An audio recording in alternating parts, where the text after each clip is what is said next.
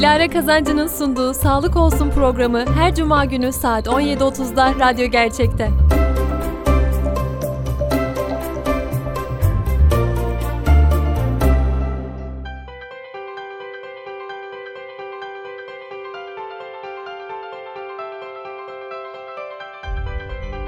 Değerli dinleyenler, Bir Doz Sağlık programımıza hoş geldiniz. Bugünkü konuğumuz Live Hospital Samsun Çocuk Sağlığı Kliniğinden hekimimiz uzman doktor Nazlı Çebi Karakullukçu. Hocam hoş geldiniz. Nasılsınız? Merhabalar, hoş bulduk. Çok iyiyiz. Siz nasılsınız? İyiyim, çok teşekkür ederim. Hocam öncelikle bize kendinizden bahseder misiniz? Nerelisiniz? Hangi okuldan mezunsunuz? Neden bu bölümü tercih ettiniz? Sizden dinleyelim. Ben doğma büyüme Samsunluyum. Samsun Anadolu Lisesi mezunuyum. Kolejliyim. Herkese selam. Hocam ben de kolejliyim. Tıp fakültesini Çapa'da bitirdim. Uzmanlık eğitimim de Kartal Eğitim Araştırma'da. Neden çocuk derseniz de çocukları çok seviyorum. İki tane de çocuğum var. O yüzden e, herkese de e, tıp fakültesi öğrencilerine de tavsiye ederim. Kandırma yok ve çok sevimliler. Değil mi hocam? Haklısınız. Hocam e, bugün bu kış aylarındaki solunum hastalıklarından e, bahsedelim istedim. Şimdi ilk sorum şu olacak. Kış aylarında solunum yolu hastalıkları artıyor. E, risk gruplarındaki hastalar kimler? Yani hangi çocuklarımız risk grubunda ve e, kimler nelere dikkat etmeli? Şimdi biz poliklinik başvurularında sıkça görmeye başladık. Özellikle öksürük, kırıltı ve ateş şikayetiyle gelen çok sayıda hastamız var. Evet hocam. Ee, dolayısıyla e, risk grupları özellikle kendilerini bilmeli ve geç kalmadan çocuk doktoruna mutlaka ulaşmalılar. Bu risk grubundaki çocuklar kimler? Prematüre doğum öyküsü olan bebeklerimiz, erken dünyaya merhaba demiş, hayatta kalan survivorlarımız, astımlı çocuklarımız, alerjik bronşiti olan çocuklarımız ya da e, halk arasında saman nezlesi diye bilinen mevsimsel alerjik riniti olan çocuklar. Bu hastalar kış aylarında kendilerine çok dikkat etmeliler. Yine özellikle yeni doğanlarımız kış aylarında pandeminin ortasına doğdular. Çocuklar korumak biraz zor. Biz Türk halkı da çok severiz yeni doğan evet. ziyaretleri yapmayı ama kış onlar için çok tehlikeli. O yüzden hani mümkün olduğunca çocuklarımızı ve riskli gruplarımızı korumak durumundayız. Pekala astım alerjik bronşiti olan çocuklarımız oluyor. Ee, kış aylarında ne gibi önlemler almalıyız? Almalıyız bu çocuklarımız için. Ve mesela şunu merak ediyorum. E, her öksüren çocuğa mesela alerji şurubu e, veriyorlar. Direkt öksür öksürmez. Bu doğru bir uygulama mı? Eğer çocuk sağlığı ve hastalıkları uzmanıyla aktif bir iletişiminiz varsa doktorunuzla mutlaka iletişim halinde olun derim. Tavsiyesi olmadan ilaçlarınızı kullanmayın. Ama biz polikliniğe gelen hastalarda da görüyoruz. Alerjik çocukların aileleri artık böyle alaylı doktor oluyorlar. En az bizim kadar işe e, hakim durumdalar. Biz onlarla haberleşiyoruz. E, birinci basamakta antibiyotikten kaçınmak için kullanabilirler ama mutlaka doktorlarının bilgisi olsun. Artık hani e, doktorlarla birebir iletişim kurmak bulmak çok daha kolay. E, sosyal medya platformlarından telefonla iletişim olsun. Hastanelerin online hizmetleri de var. Muhakkak doktorunun bilgisi dahilinde olmak üzere başlanabilir. Hani ama mutlaka doz ve endikasyonu yani ne zaman kullanacağı doktor tarafından belirlenmiş olmalı. Hocam ben de e, antibiyotikten olabildiğince kaçan bir anneyim oğlumla ilgili. Hatta antibiyotik kullanmam gerektiğinde yani bir kabus oluyor benim için hayat. Gerçekten hayat duruyor. Bu zamanlarda da doğal yolları araştırmaya başlıyorum. Bu gibi durumlarda doğal yollar var mı bize tavsiye edebileceğiniz?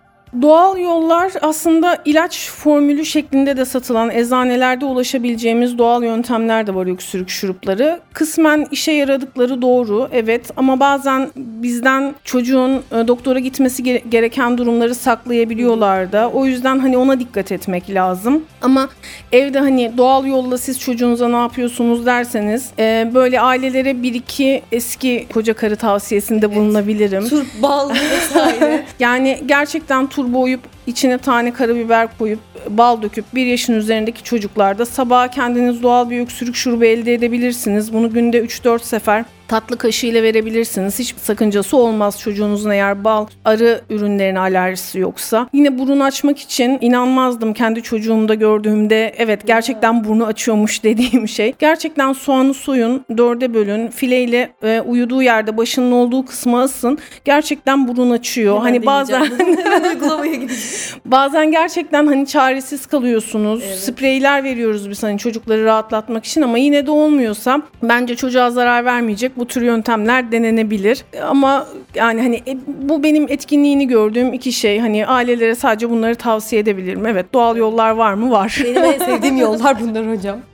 Ee, peki ne zaman antibiyotik kullanılmalı? Yani olabildiğince kaçınıyoruz ama sonuçta e, tedavisinde uygulamak zorundayız hekimin verdiği. Antibiyotik kullanıma ne zaman e, tamam diyelim? Antibiyotik kullanımını zaten doktorunuz size önerecektir. Ama ne zaman e, başlanmalı? Eğer 38'in üzerinde dirençli ateşi varsa çocuğunuzun, eğer e, şikayetleri başlayalı bir hafta olmuş, herhangi bir gerileme gözlenmemişse, muhakkak yanında yardımcı tanı yöntemleri kullanılarak, bunlar nedir? Akciğer filmi, Hı-hı. kan sayımı gibi yöntemlerde kullanılarak antibiyotik kullanmaya başlanmalı. Burada e, hep şunu gözetmeliyiz. Burada önemli olan çocuğun yararı. Hani hiç kimse çocuğun antibiyotik Tabii kullanmasını, evet. erken yaşta tanışmasını istemiyor. Ama öyle durumlar oluyor ki biz bazen ailelere tavsiyede bulunuyoruz. Doğal yöntemleri denemeyi tercih ediyorlar. Sonra çocukları ağır solunum yetmezliğiyle, nefes darlığıyla geliyor. Hastaneye yatmaları gerekiyor. Kış aylarında hani hastanelerde yer bulmak evet. çok zor. Hızlıca yani hani evet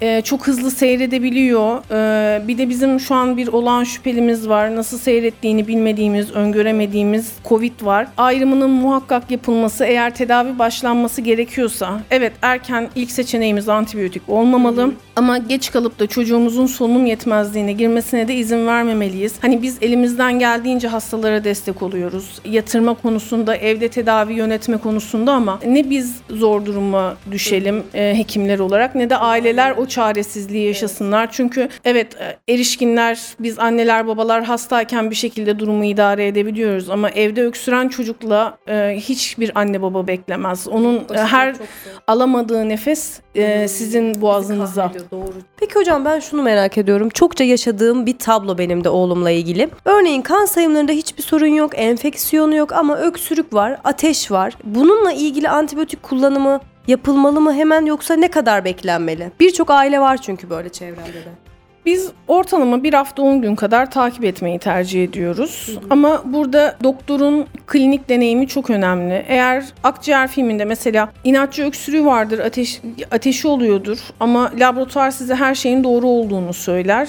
Ama her şey aslında yolunda değildir. Yani siz doktor olarak onu görürsünüz. Hı hı. Çocuğunuzun solunum yetmezliği varsa şüphesinde dahi hani e, biz arada kalmamak için tedaviyi yönetebilmek için yardımcı yollara başvururuz. Kan sayımı normal olabilir ama e, akciğer filmini görürsünüz orada bronşiti vardır. Hani E, erken dönemde atlanabilir. Ateş aslında sizi uyarır. Ben bir de bu konuda annelere çok güveniyorum. Yani bir çocuk bir anne çocuğuyla ilgili işlerin yolunda gitmediğini söylüyorsa hmm. işler yolunda gitmiyordur. Çünkü biz o çocuğu muayene sırasında 15-20 dakika değerlendirebiliyoruz. Hmm. Ee, ama evde bana gelmeden önce çocuk 3 gün ateşli, annesinin düşüremediği ateşi var ya da gece öksürmekten uyuyamamış bu çocuk. O zaman annenin verdiği hikaye en kıymetli veridir bizim için. Evet.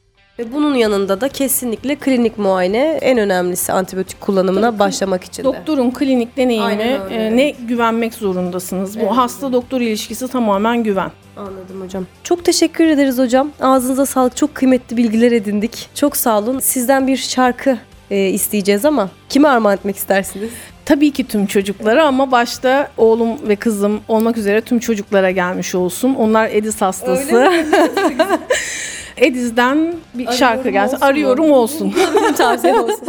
Tamamdır hocam çok teşekkür ederiz. Ee, Ediz'den arıyorum tüm çocuklara gelsin dedim. Unutmayın ki sayın dinleyenler bir doz sağlık herkese iyi gelir.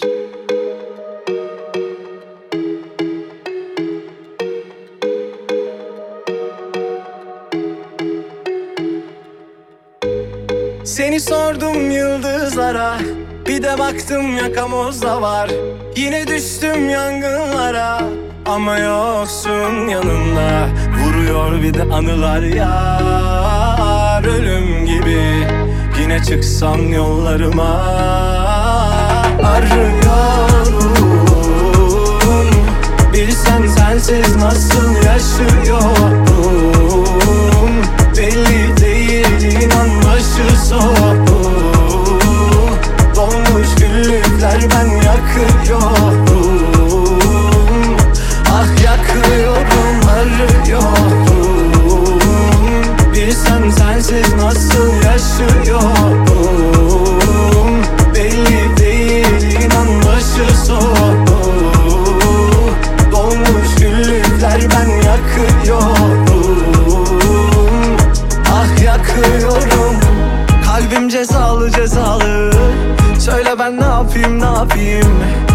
Bir gün sen razıyım razıyım. Yazılmış yazım yazım Kalbim cezalı cezalı. Söyle ben ne yapayım ne yapayım? Bir gün sen razıyım razıyım. Yazılmış yazım yazım Küstürme kalbimi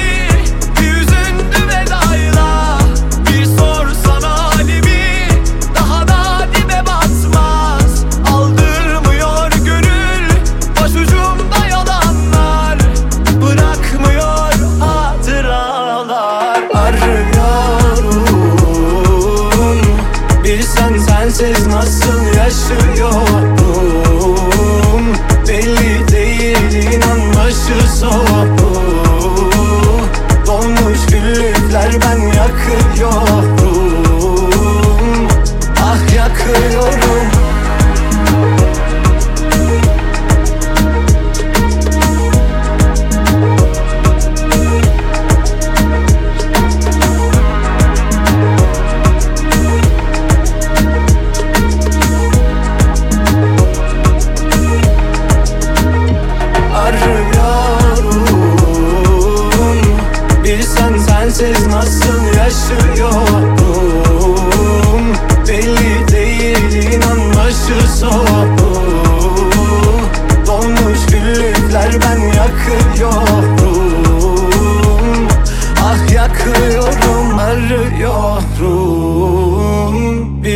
sensiz nasıl yaşıyorum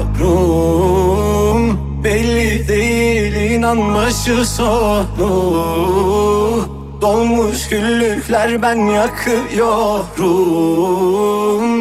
Ah yakıyorum Sağlık olsun sona erdi.